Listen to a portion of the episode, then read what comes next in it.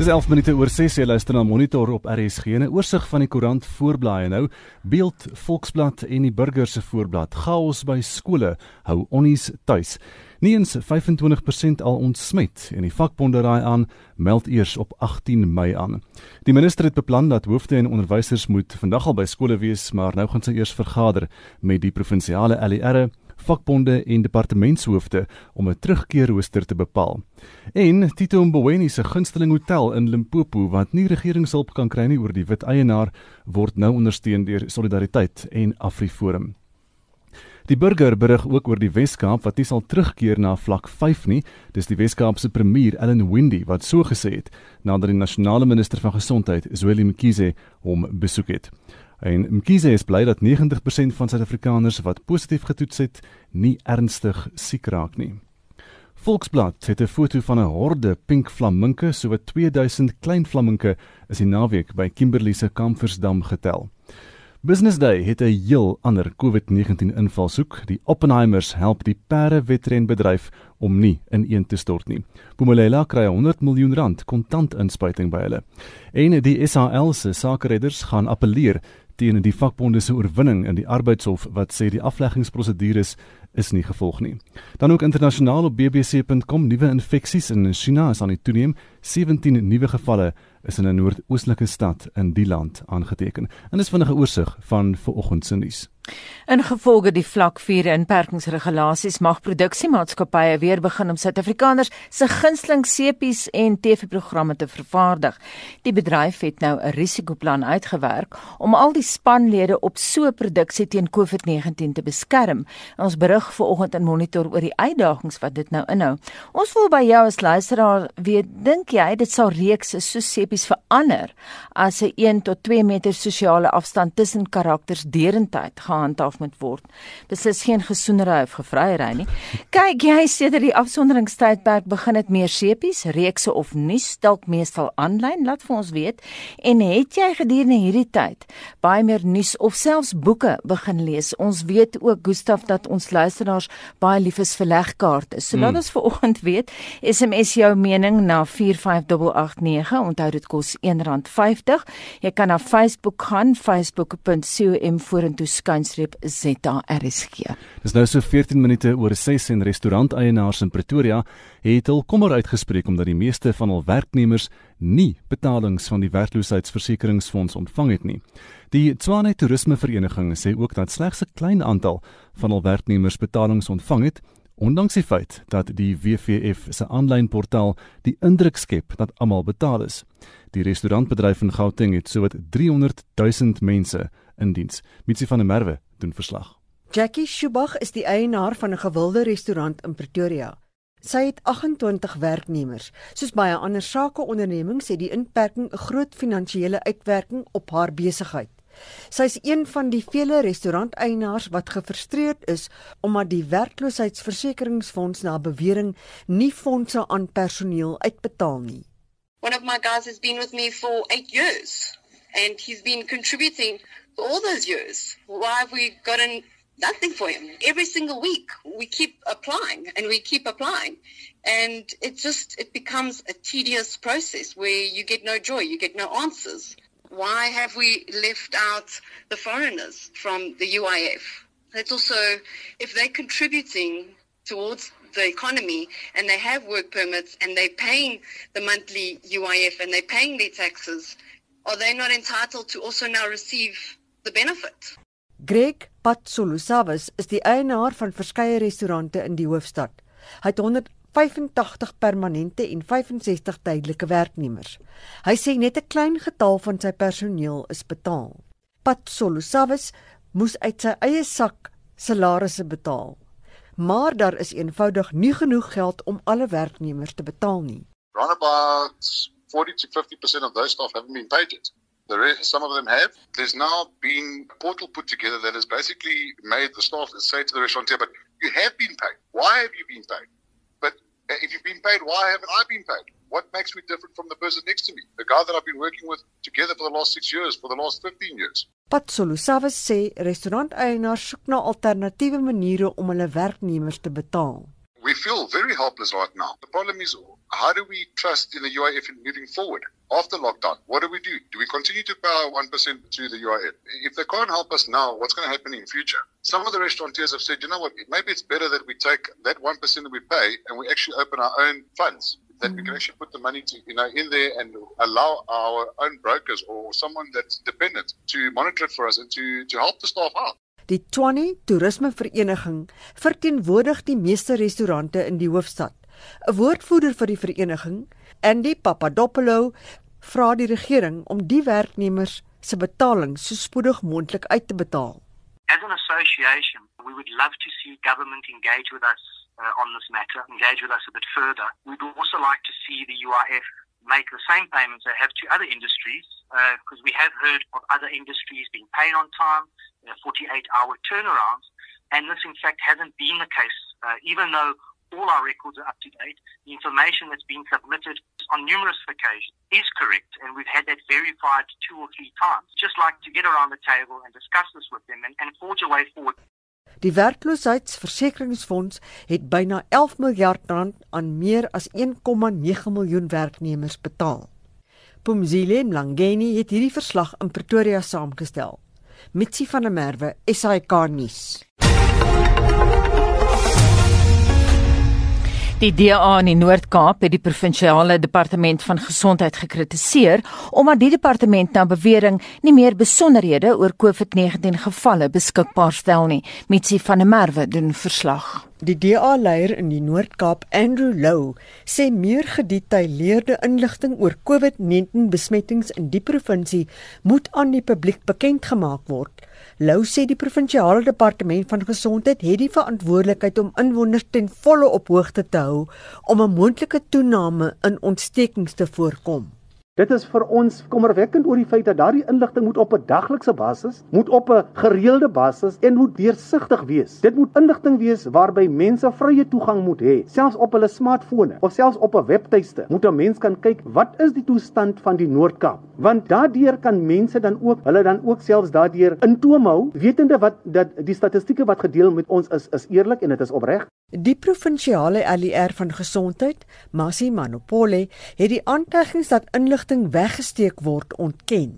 I just wanted to make an appeal again to GA not to play to the color. If you are following up our briefing on a weekly basis, the statement that you issue, like exactly the information that they're asking for. We're giving the, the breakdown of the screening per district. We're giving them the update on a regular basis. But it's fine, I'm going to give them the information. Die departement sê hulle verwag 'n moontlike toename in besmettings nadat mense onlangs na die provinsie teruggekeer het toe die reisbeperkings verslap is. New Bodimela het hierdie verslag in Kimberley saamgestel. Mitsi van der Merwe, SAK nuus. Dit is nou 28 minute oor 6 in die Pretoria se dieretuin is een van die jongste slagoffers van die COVID-19 inperking. Dit ten spyte van die 130 miljoen rand wat die dieretuin jaarliks van die departement van omgewingsake en visserye ontvang. Anne Marie Jansen van Vuren het meer besonderhede. Dit is die langste wat die Pretoria dieretuin nog gesluit was sedert sy ontstaan meer as 120 jaar gelede. Die woordvoerder van die dieretuin, Greg Allenby sê dit is 'n groot slag dat hulle oor Paasfees weens die nasionale inperking moes sluit. We don't have visitors coming through the gate, so that's a substantial portion of our revenue that's gone. But we're very fortunate to be part of the South African National Biodiversity Institute, who is an entity of the Department of Environmental Affairs, Forestry and Fisheries. And this, of course, is what's keeping us alive, making sure that we don't compromise on the welfare of our animals. Die inperking raak nie regtig die diere nie, maar eerder diegene wat die dieretuin moet bestuur. For our animals have freedom of movement, so if it gets too busy for them normally, they can go back into their night enclosure and hide from the humans. But we've actually picked up no difference really in behavior. They're fairly neutral because they are used to humans. They don't really react differently in this environment. Allenby sê hulle is gewoond daaraan om 'n groot aantal besoekers te ontvang van skoolkinders tot plaaslike en internasionale besoekers. Nou het daardie geldkraantjie opgedroog. We normally do about 600,000 visitors here at the zoo, but we won't recover because a large portion of our visitors would be school groups and we know that there's challenge with them as well and trying to make up their curriculum. September, October are our peak periods when we'll receive up to 80,000 school kids coming through the zoo, which are definitely not going to be coming to the zoo this year. So the, we're not going to see them, so they're definitely going to have a huge impact on our visitor numbers. Die tekort aan toeriste het ook 'n invloed op die vlooimark buitekant die dieretuin. SAK nuus het met een van hierdie klein besigheidseienaars gepraat oor hoe hy nou 'n inkomste verdien. This business is affected too much because uh, before lockdown we were selling uh, good money and uh, here there's no security. So some these nyaupes they break most of our stuff here and they steal most of our big things. Drums, djembe drums, some other items like beads. We stock them in Durban and they are very expensive. Die verslag van Vanuel Shuma in Pretoria en ek is Anne Marie Jansen van Vuren vir SAK nuus.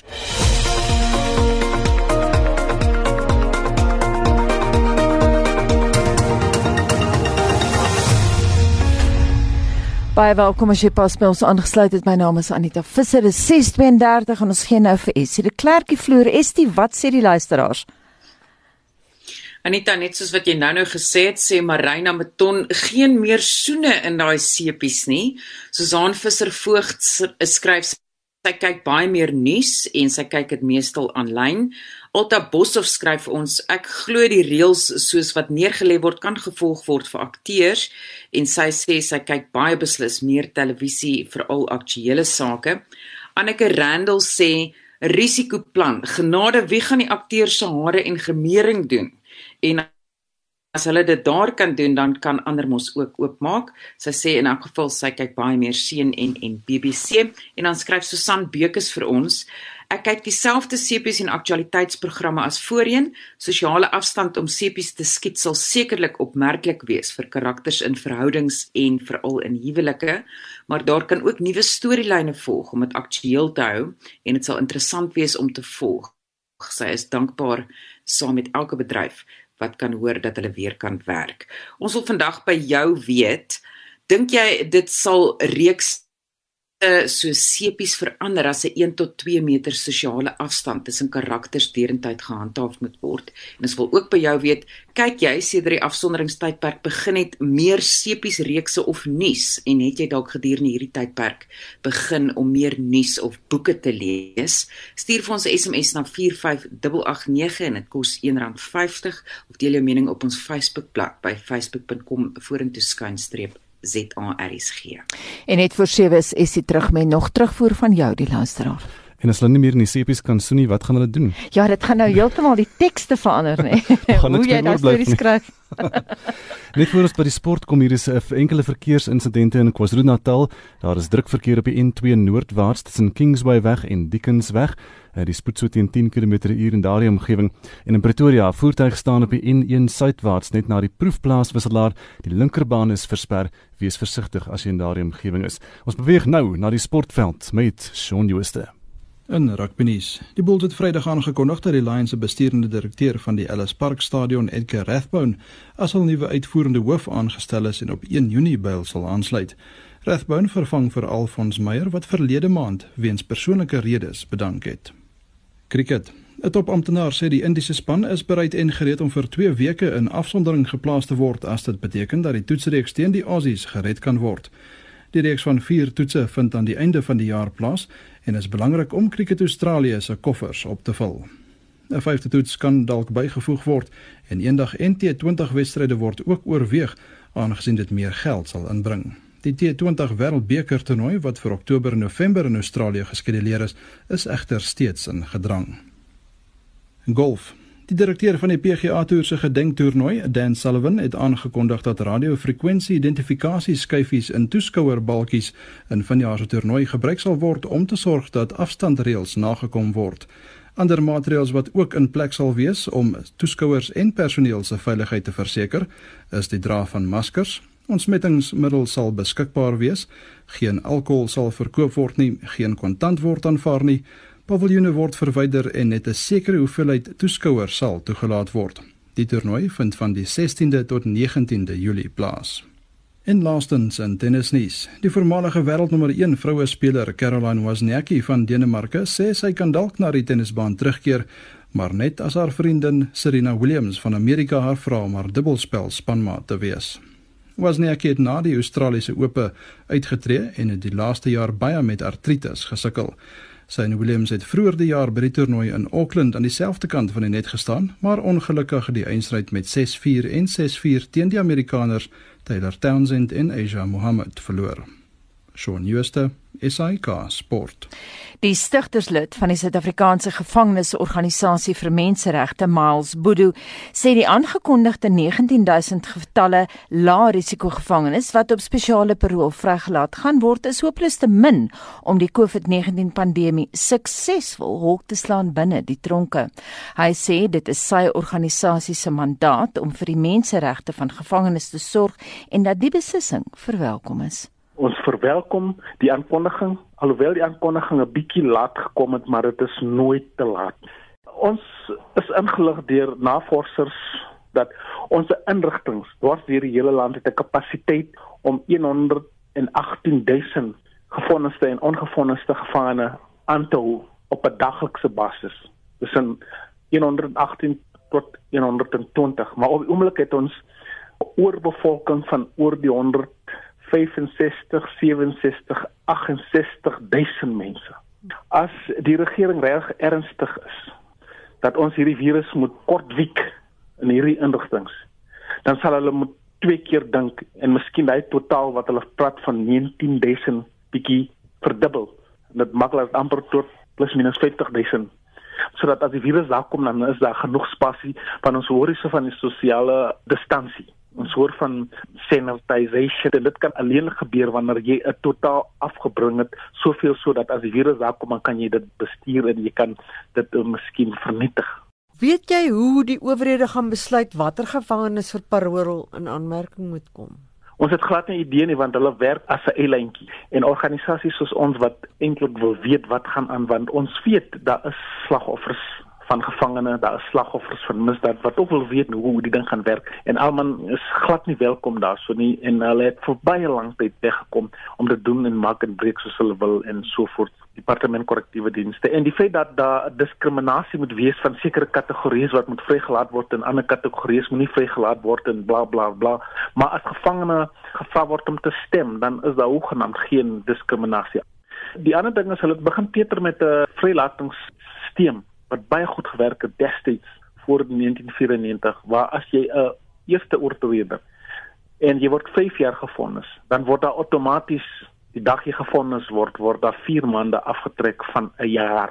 Dit maak nie saak wat is die kategorie van die misdaad. Dan word daar 4 maande afgetrek vir 5 jaar. So as jy tronk toe gaan en jy begin jou vonnis uitdien, dan het jy al reeds 20 maande afslag gekry en is jou houding in die tronk en te kere gaan, dan kan dit besluit word of die 4 maande wat hulle afvat het op elke jaar kan hulle terug sit in jou oorspronklike vonnis al jou nie self gedrag nie. Dit is 'n stelsel wat almal verstaan het en toe gaan Peter hulle met die stelsel en toe bring hulle die kredietstelsel en toe hulle die hele vrylatingsstelsel gaan die mekaar maak soveel so dat ons hier opgeskep sit met die gemors wat ons vandag nie eens kan uitwerk al is jy 'n wiskundige. Ons het gevangene wat gebaat het uit die beslissing van 42 grondwetlike beslissings. Die beslissings is geneem in 2010 en daar is 'n van Wyk beslissing wat geneem was in 'n grondwetlike hof in 2013. Jy het nou die laaste beslissing wat geneem was in die grondwetlike hof wat genoem word die Opapasa beslissing. En daar is gevangene, derduisende van hulle wat tot lewenslange gevangene gefonnis was. Toe daar begin Peter met die vrylatingsstelsel daar's van hulle wat nou nog in die gevangenis sit en hulle moes al jare vrygelaat was want die vier beslissings wat ek genoem het het 'n president veroorsaak. Maar jy hierso met mense te doen wat glad nie hulle werk wil doen nie solank hulle aan die einde van die maand net kos op die tafel kan sit.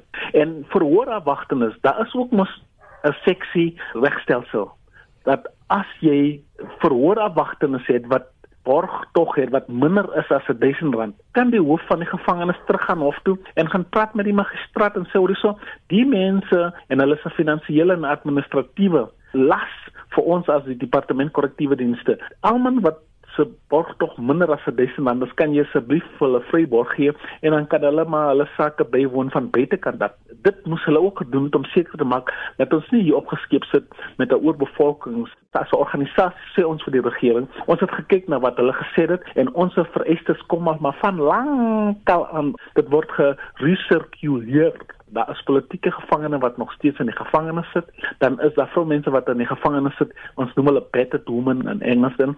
Dan is daar mense wat terminaal siek is wat daar lê in die tronk en daar is verhoorafwagtenes wat vir 10 jaar op verhoorafwagting was.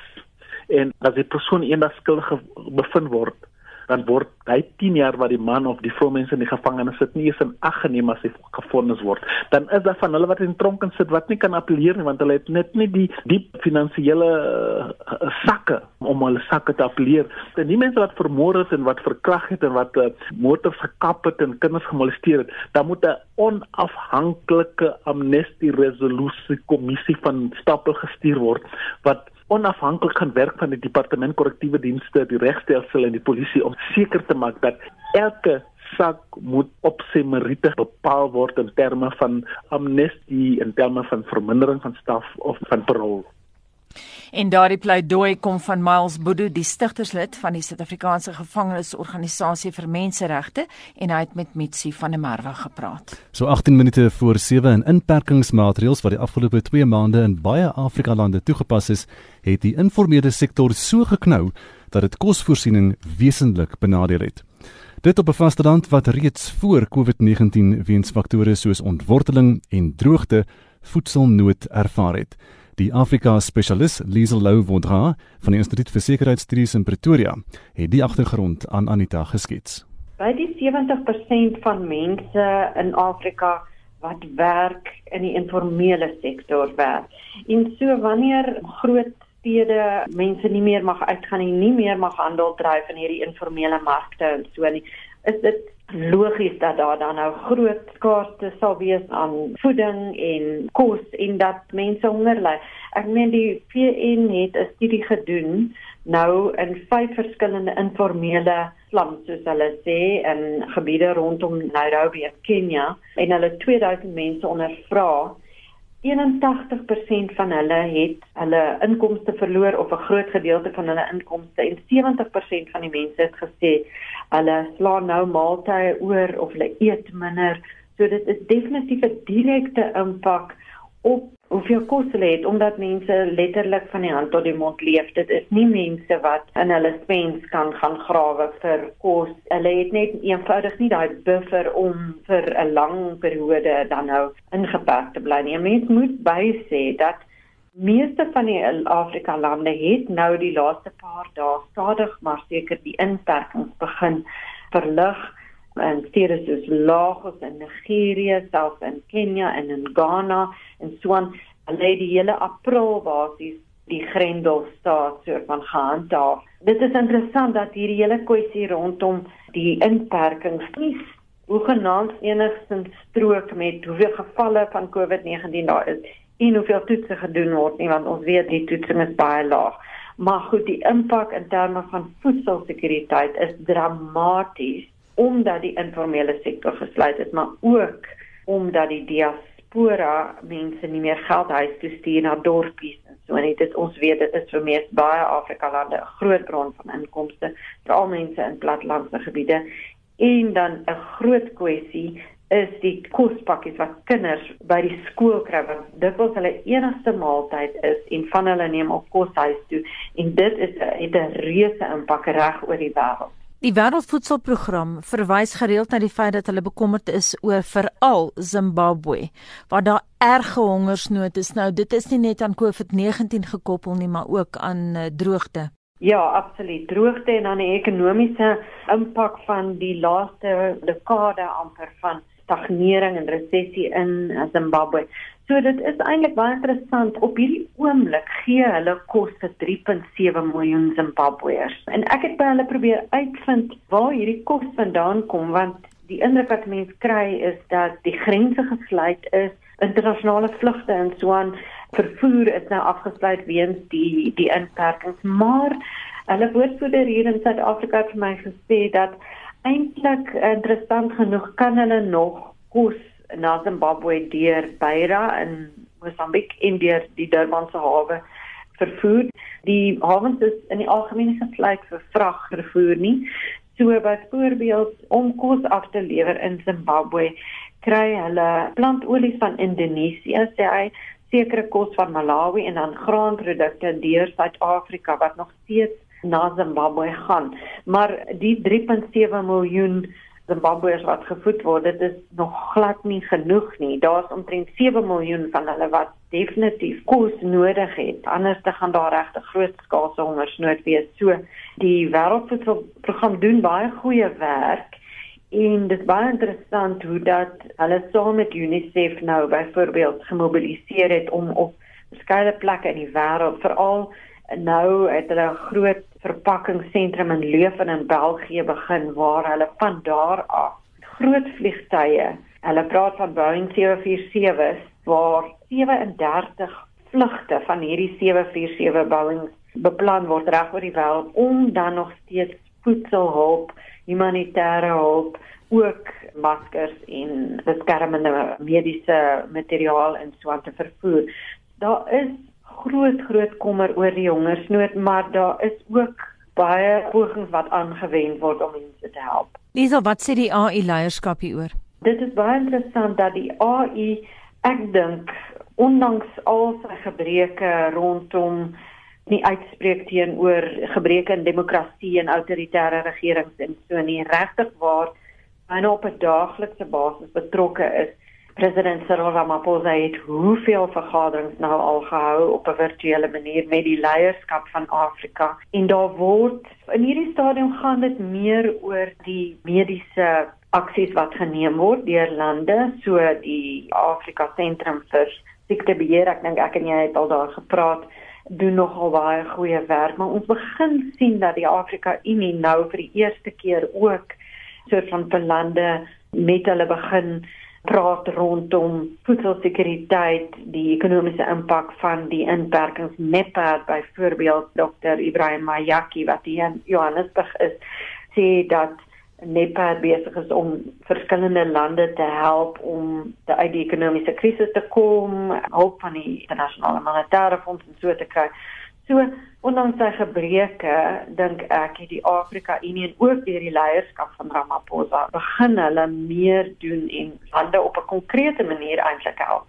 Liso, jy het nou verwys na die feit dat talle lande in Afrika begin geleidelik hulle grendel afsluitingstydperke ophef, maar daar is ook lande soos byvoorbeeld Malawi wat nooit 'n grendeltydperk ingestel het nie. Ja, dit is baie interessant. Malawi het nou die laaste paar maande 'n krisis in sy demokrasie omdat die verkiesing van die voormalige president of die huidige president, ekskuus, eh, Mutharika bevraagteken word. So interessant binne hierdie konteks van politieke onsekerheid het menseregte organisasies en burgerlike organisasies die staat hof toe geneem en gesê julle kan nie hierdie inperkings in werking stel totdat julle nie die informele sektor help met kos en ekstra sosiale hulp en dan nou gelduitbetalings nie.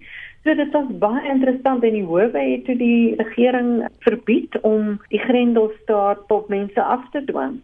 Dit is al 'n oorwinning vir ek sou sê burgerlike organisasies wat net eenvoudig vir die regering sê hulle kan nie toelaat dat ons hongersnood is nie. Hulle moet finansiëel help voor julle die inperkings kan instel. Die kwessie in Afrika, jy weet Anita, is dis baie moeilik omdat daar so min gevalle is. Daar word min toetsing gedoen. So om vir mense te sê julle moet nou in julle huise bly, agter slot en grendel, julle moet honger ly en in die hele Malawi is daar net 30 gevalle of in die hele Mosambiek is daar net 60 gevalle. Ek noem nou sommer maar net op aan die syfers in baie lande is relatief laag, selfs in plekke soos Zimbabwe.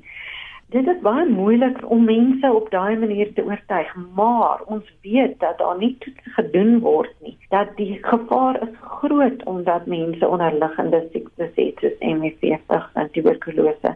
So ons weet nie regtig wat is die patroon nie. Selfs hier in Suid-Afrika, jy weet die debat so ek sê die debat in Afrika is regtig baie kompleks. al wat lande kan doen en dis wat Dr. Mayaki en ander mense van die AU en so aan sê is terwyl jy nou inperk of nie inperk nie, maak net seker dat daar genoeg mediese toerusting is, hospitaalbeddens ensovoorts. So wanneer die groot vlaag dan na Afrika tref, dat Afrika lande voorberei is want dit is regtig nog steeds 'n onbekende.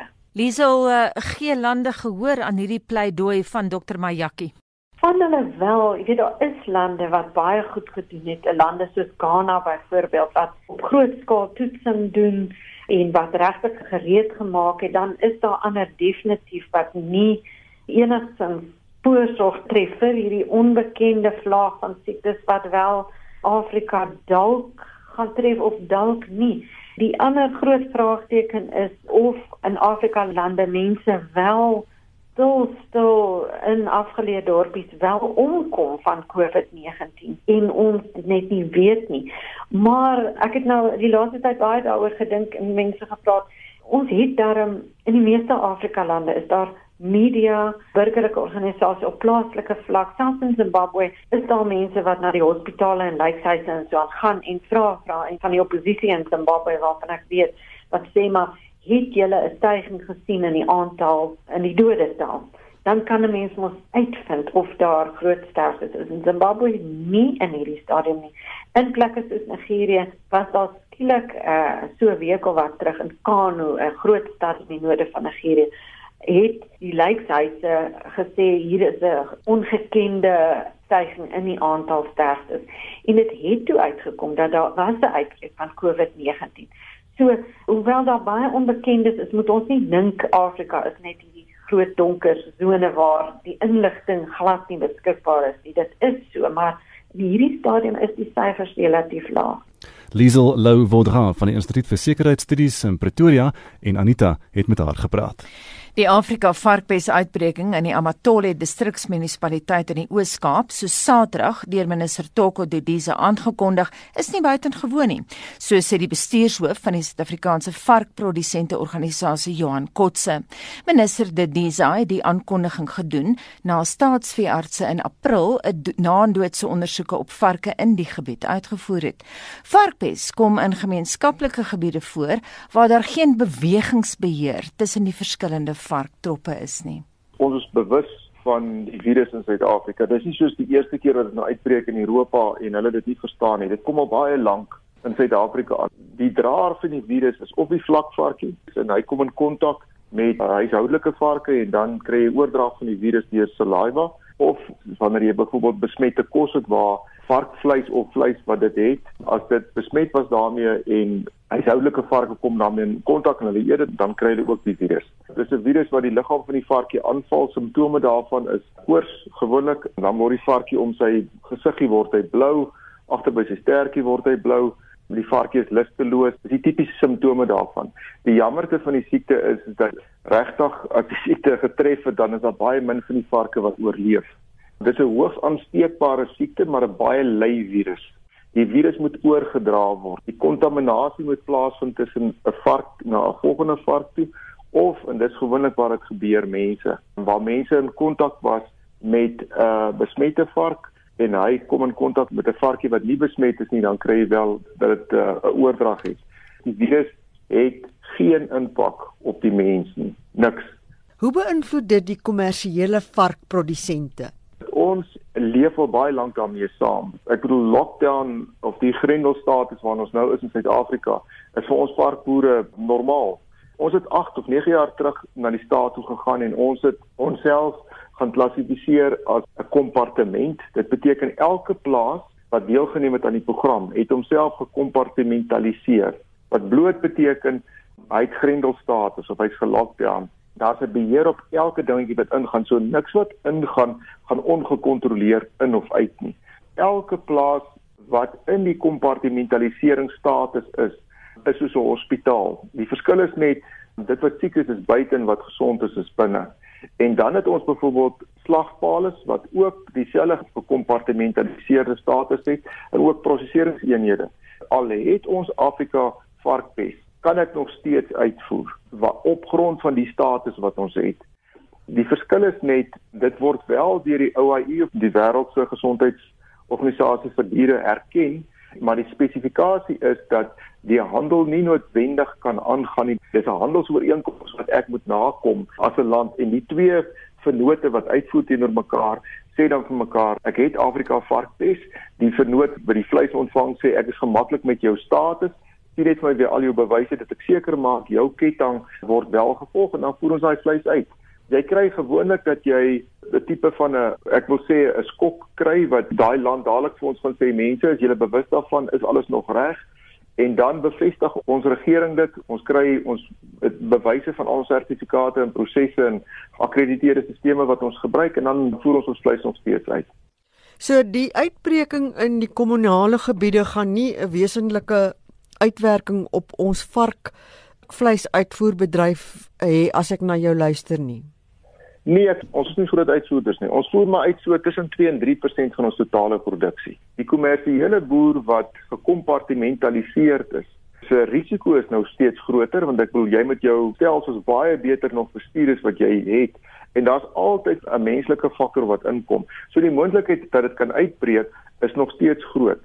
En ek moet sê ons het tog in die geskiedenis nog nie 'n uitbraak in 'n kommersiële eenheid gehad nie op grond van die biosekuriteitstoepassing in die kompartmentalisering.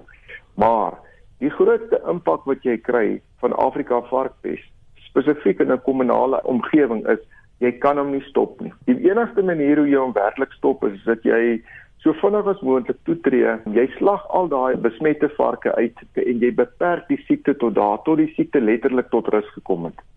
Die jammerte is die produksiemetode wat die kommunale boere gebruik is nie een wat gekompartmentaliseer is nie. Dis nie een wat net beperk is tot 'n sekere area nie. Dis baie keer vrylopende varke en dis baie moeilik om dit te kan beheer. So Afrika varkpes het geen middel wat hom kan keer nie. Daar's net een metode om jouself daarteen te beskerm en dis biosekuriteit. Hoe veilig moet die Suid-Afrikaanse publiek voel oor die koop van varkvleis?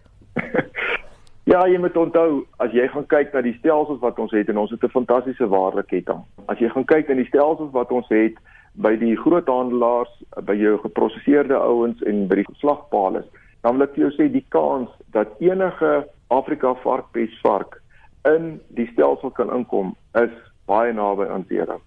En so sê Johan Kotse, bestuurshoof van die Suid-Afrikaanse Varkprodusente Organisasie en Mitsi van der Merwe die onderhoud met hom gevoer en nou is dit tyd om oor te skakel na Estie toe. Es het jy interessante terugvoer vanoggend? Anita seun van die suidkus sê maak 'n nuwe sepie. Ons lewe in Grendel en dit kan 'n dekade lange treffer wees. François van Keimus skryf vir ons dalk moet hulle COVID-19 in die storielyn inbring. Huidiglik in die inperkingstyd dit amper abnormaal dat binnelanders of ander sepies nie 'n COVID-19 storielyn het nie.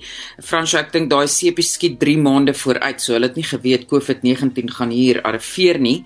En Karel Johan de Bruin wat weet vir ons ons slind boeke, koerante, nuus, dokumentêre reeks, flieksepies alles en sal graag die nuwe COVID TV wil bekyk.